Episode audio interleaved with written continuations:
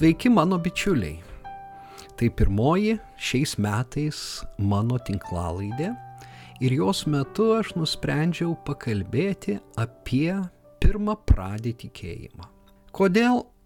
Nagi todėl, kad nemažai kalbama apie mūsų prigimtinę nuodėmę, kurią paveldėjome iš savo protėvių Adomo ir Jėvos. Kalbama apie paveldėtą kaltę, tačiau mažai, arba bent jau kur kas mažiau, kalbama, pamokslaujama, mokoma apie pirmą pradį tikėjimą, kurį mes paveldėjome iš apaštalų, mūsų tikėjimo Kristumi protėvių. Būtent į šitą pozityvėją pusę ir norisi atkreipti dėmesį Ir tam tikslui aš pasitelksiu du apaštališkos bažnyčios šulus - Paulių ir Timotiejų ir pasigilinsime į jų požiūrį santykius, tarpusavio santykius, kurie ypatingai tampa akivaizdus paskutiniuose apaštalo Pauliaus laiškuose, pastoraciniuose laiškuose Timotiejui. Ir štai tekstas, kurį pasirinkau, tai antras laiškas Timotiejui, pirmas skyrius nuo trečios iki dvyliktos eilutės. Esu dėkingas Dievui, kuriam tarnauju kaip ir mano protėviai, su tyra sąžinė, nuolat prisimindamas tave savo maldose, dieną ir naktį. Atmenu tavo ašaras ir trokštų tave išvysti, įdant būčiau kupinas džiaugsmo atminti iškyla tavo veidmainingas tikėjimas, kuris pirmą gyveno tavo senelėje Loidėje ir tavo motinoje Eunikėje. Esu tikras, gyvena ir tavyje. Štai todėl primenu tau, neleisk užgesti Dievo dovanai, kuri yra tavyje mano rankų uždėjimu. Juk Dievas mums davė ne bailumo, bet galios, meilės ir savitvardos dvasę. Todėl nesigėdik mūsų viešpatės Jėzaus liudimo ir manęs jo kalinio, bet drauge kentiek dėl Evangelijos, Dievo gale. Jis išgelbėjo mus ir pašaukė šventų pašaukimu, ne dėl mūsų darbų, bet laikydamasis savo sumanimu ir dėl malonės duotos mums Kristuje Jėzuje prieš amžinuosius laikus, o dabar parodytos per apreiškimą mūsų gelbėtojo Kristaus Jėzaus, kuris sunaikino mirtį ir Evangelija nušvietė gyvenimą bei nemirtingumą. Esu paskirtas jos pamokslininku, apaštalu ir mokytoju. Dėl šios priežasties ir kenčiu, bet nesigėdiju, nes žinau tą, kuo įtikėjau ir esu tikras, kad jis gali išsaugoti tai, kas man patikėta iki tos dienos. Visų pirma, norisi atkreipti dėmesį į tikėjimo tyrumą ir testinumą. Dėl tos priežasties aš ir pavadinau šį epizodą pirmą pradžių tikėjimu. Pirmą pradis tai yra tas pirmykštis, pirminis. Apaštalai puoselėjo pirmieji tikėjimą, kurį mes paveldėjome iš jų. Na, netiesiogiai, bet a, per istoriją ir be abejo per autentišką šventosios dvasios liūdimą. Visgi ne mes pirmieji, o jie pirmieji patikėjo Kristumi. Tačiau per laiką, per istoriją tikėjimas iškrypsta, tikėjimas pakeičia tą savo pirmą pradį pavydalą ir labai dažnai į menkesnę, blogąją pusę. Štai kodėl mums svarbu gilintis į tai, koks jis buvo pradžioje. Kokie buvo tų žmonių, kurie pirmieji tikėjo Kristumi - požiūriai, santykiai, vertybės, tiesos, kurias jie a, išpažino ir skelbė kitiems. Na, visų pirma aiškėja, kad e, nuo Pauliaus nusigrėžė ne tik tai judėjai. kad Paulius be abejo visų pirma kaip žydas, kuris pasirinko sekti Jėzumi kaip mesijų, buvo laikomas paklydusiu ir išdavusiu protėvių tikėjimą.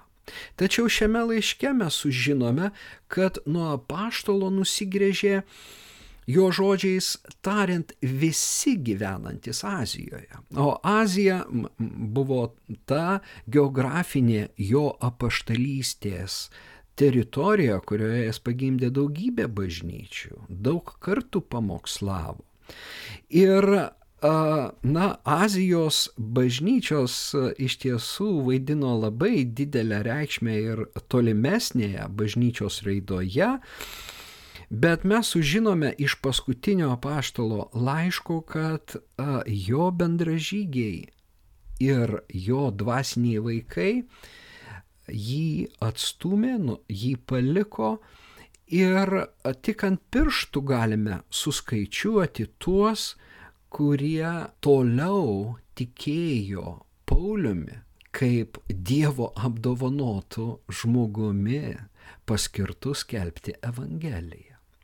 Bet įdomu tai, kad Paulius žino savyje, jog a, jis nėra nuklydęs, kad jis nėra išdavęs tikėjimo Ir jisai sako, kaip ir mano protėviai sutyra sąžinę, tarnauju Dievui. Ir graikiškas žodis sineidesis, sąžinė, yra, na, labiau pažodžiui išreiškiant jos esmę žinojimas savyje žinojimas savo viduje. Ir apie sąžinę galima būtų labai daug kalbėti, tačiau čia užtenka paminėti tik tiek, kad jo požiūris yra visai kitoks nei tų aplinkinių. Ir jis sako, mano sąžinė yra tyra ir vat tą sąžinę aš tarnauju Dievui ir tęsiu tikėjimo Dievą tradiciją, gyvo tikėjimo tradiciją. Ir Evangelijos gale Paulius yra išgelbėtas, apvalytas ir Dievo pašauktas, ką jisai tuoj tuoj pasakys. Bet tų ankstesnių kartų paminėjimas be abejo turi, na ir kitą tikslą. Jis čia pat Timotiejui primena jo senelę Loidę ir jo motiną. Ir sako, štai šitos pamaldžios moterys puoselėjo tikėjimą ir esu įsitikinęs, kad tas gyvas, vėlgi sakykime mūsų pasitelkta kategorija, pirmą pradis tikėjimas gyvena ir tavyje.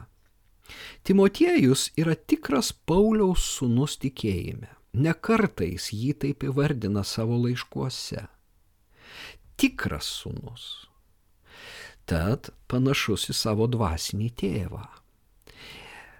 Tėvas šiuo atveju sako, aš tarnauju tyra sąžinę, o sūnuje jis regi neveidmainingą tikėjimą. Taigi ta sąšauka tyros sąžinės ir neveidmainingo tikėjimo. Tėvo ir sunaus bendrystė. Bendrystės tikrumas. Tai yra antras pastebėtinas dalykas. Vėlgi kartais teigiama, kad tikėjimas nėra jausmai, kad tikėjimas remiasi faktais, o ne emocijomis. Tačiau gilinantis į ankstyvosios bažnyčios gyvenimą, tampa aišku, kad tikėjimas nėra bejausmis.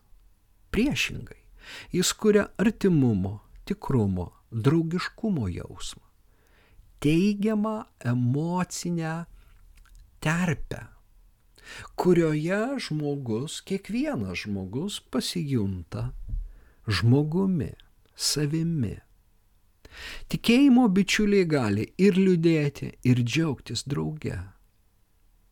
Krikščioniškam tikėjimui svetimas jausmo eliminavimas. Įdant būtų pasiektas aukštesnis dvasingumo laipsnis. Štai čia turime du apaštališkos bažnyčios tulpus.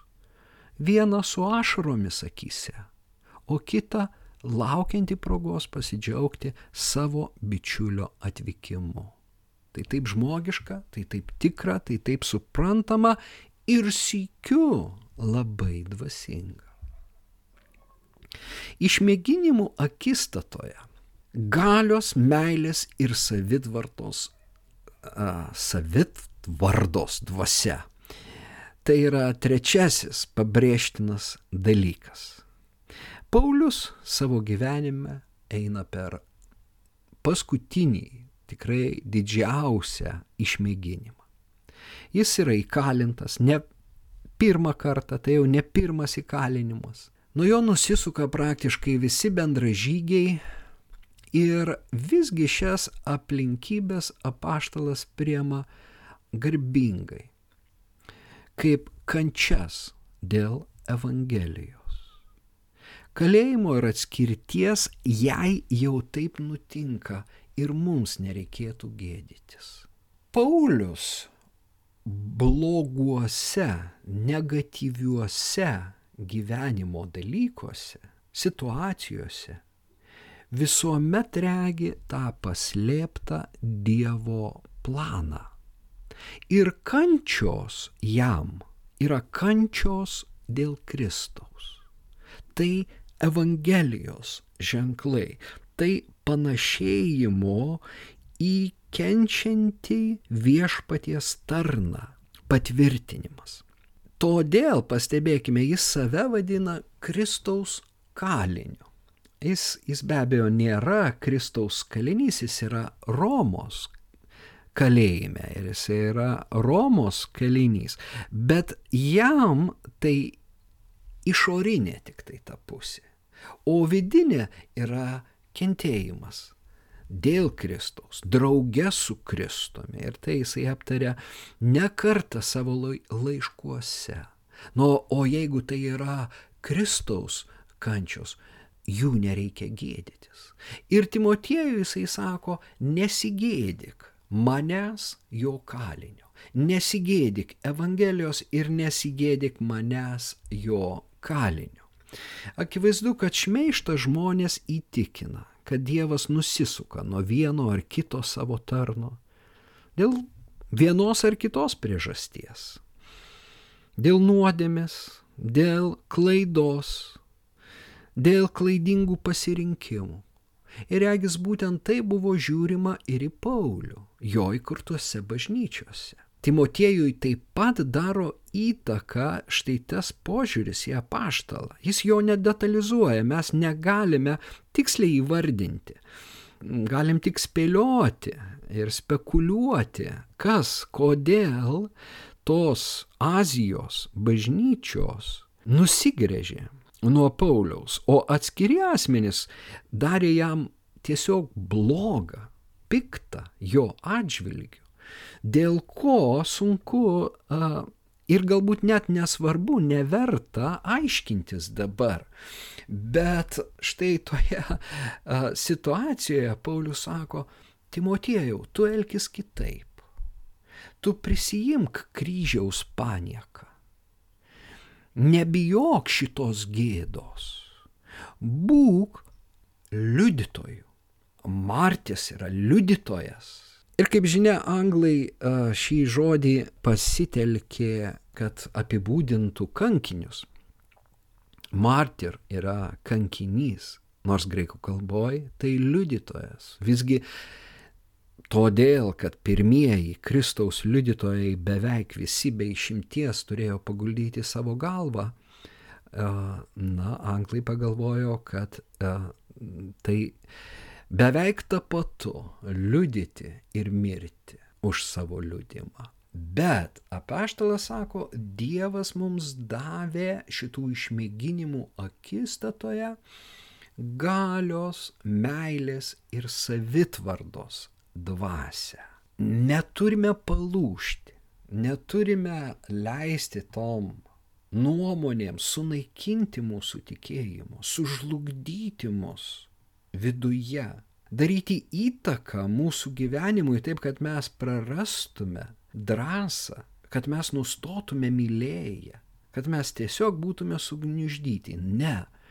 Dieve galime atrasti galę, galime pasisemti meilės. Ir galime susitvarkyti su tom vidiniam nuoskaudom, žaizdom.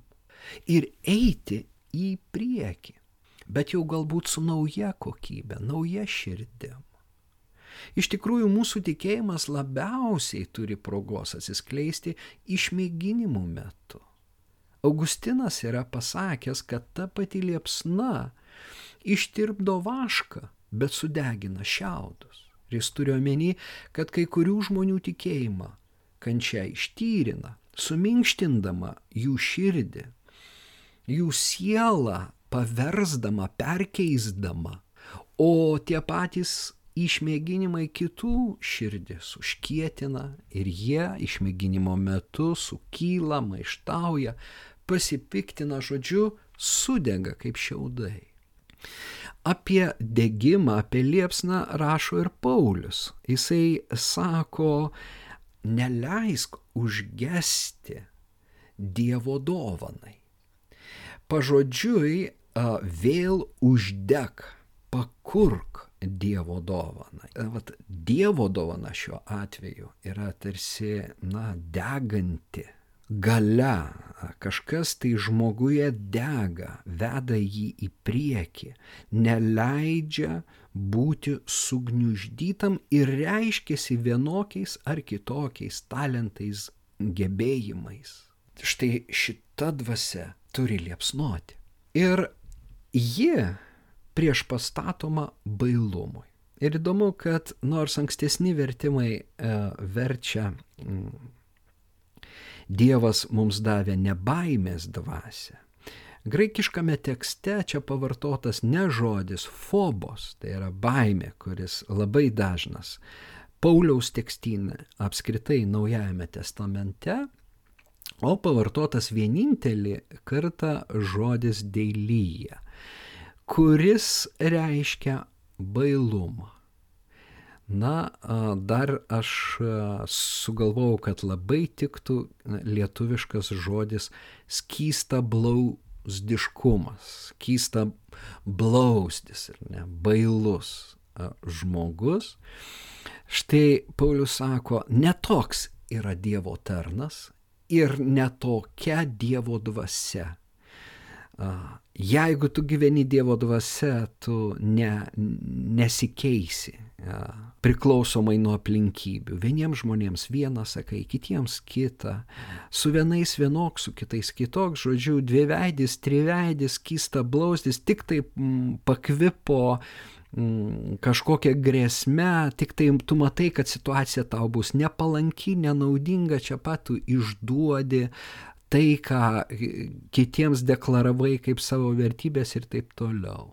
Jokių būdų žmogus pilnas šventosios dvasios išlieka toks pat, kad jam ir sunku, kad ir skauda, jis bus uh, vientisas, nuoseklus savo pasirinkimuose, žodžiuose, Evangelijoje.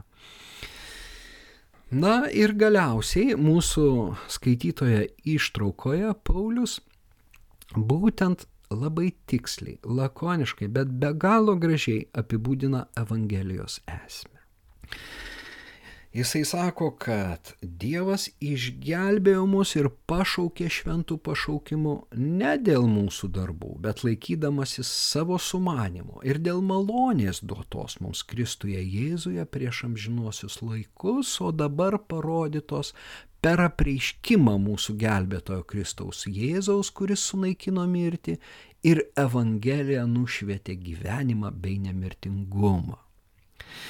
Taigi esame Dievo išgelbėti ne dėl vienokių ar kitokių mūsų atliktų gerų darbų, bet esame išgelbėti Dievo sumanimu. Ir dėl jo malonės.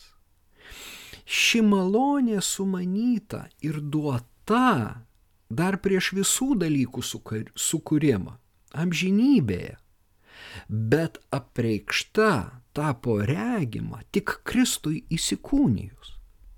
Ir iš tiesų Pauliaus žodžiai primena Evangelijos pagal Jono pradžią, kai jis rašo, jog įstatymas duotas per Mozę, o malonė ir tiesa atėjo per Jėzų Kristų. Ir čia Paulius sako, ta malonė duota Kristui įsikūnijus ir ji turi galę gelbėti. Ir iš tos malonės mes semėmės ir tos stiprybės bei tos galios, meilės ir savitvardos dvasios, ką jisai ką tik aptarė.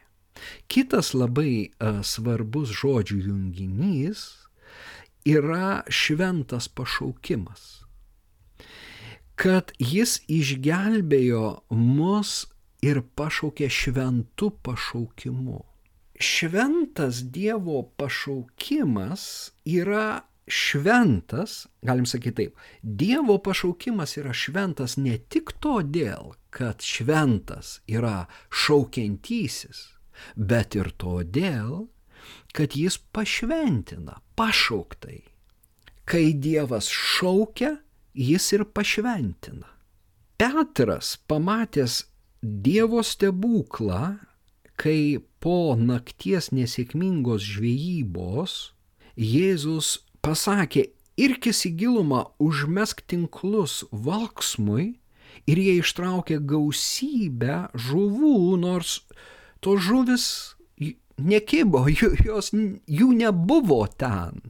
Ir išvykęs tą stebuklą jisai sako, pasitrauk nuo manęs viešpatė, nes aš esu nusidėjėlis.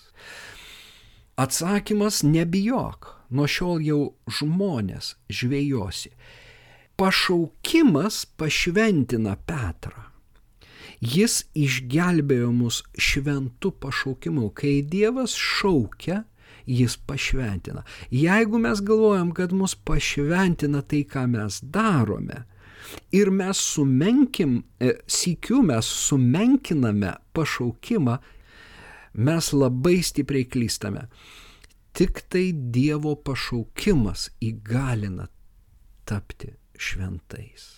Ir gelbstinčią galę teikia malonė, o ne darbai. Na ir galiausiai Paulius išaukština Kristų ir neprilykstamą jo žygdarbį. Jėzus Kristus sunaikino mirtį. Kur mirtie? Tavoji pergalė, kur mirtie tavo gelduonis? Tai iš pirmo laiško korintiečiams. Bet ne tik, ir Evangelija nušvietė gyvenimą. Mirties sunaikinimas kol kas priklauso tik tai Jėzui Kristui, nes visi likusieji vis dar miršta. Jis nebe. Bet ateis diena, kai nemirtingumas bus suteiktas ir visiems mums. Tuo mes tikime. Tačiau antroji pusė, būtent ta gyvenimo pusė. Kristus nušvietė gyvenimą jau dabar gali būti ragaujama. Vėlgi visų mūsų, kiekvieno iš mūsų. Norint gyventi, reikia gręžtis į Kristų. Norint prasmingai gyventi, reikia tikėti Kristumi. Gyvenimas ir Kristus yra tapatus. Jis sako, aš esu kelias, tiesa ir gyvenimas. Ten, kur gyvenimas, ten Kristus. Ir ten, kur Kristus, ten gyvenimas. Ir štai būtent toks įsitikinimas ir tokia vizija teikia Pauliui pasitikėjimo. Jis baigia, žinau tą, kuo įtikėjau. Ir esu tikras, kad jis gali išsaugoti tai, kas man patikėta iki tos dienos. Iki tos dienos, kai Kristus sugrįž, iki tos dienos, kai nemirtingumas bus apreikštas, kai kūnas bus prikeltas, atnaujintas. Štai koks yra Pauliaus tikėjimas. O kaip su mumis? Ar žinai, ką įtikėjai? O jei tiki, ar pažįsti Kristų. Na ir dabar jau turiu apibendrinti tai, ką a, kalbėjau. Visų pirma, niekaip negalime pasitenkinti religinę rutiną.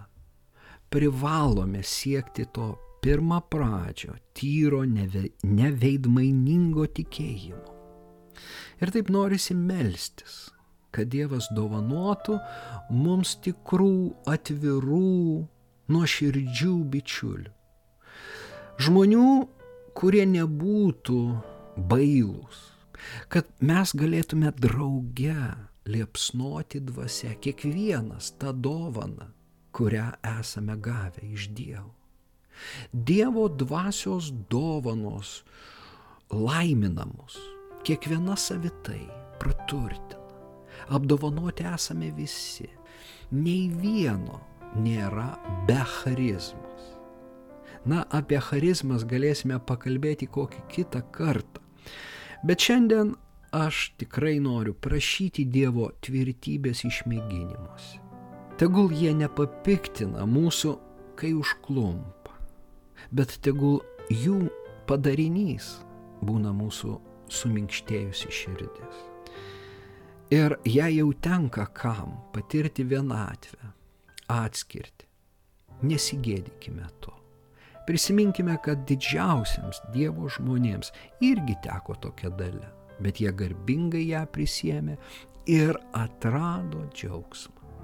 Gyvenimo džiaugsmą Kristuje Jėzuje.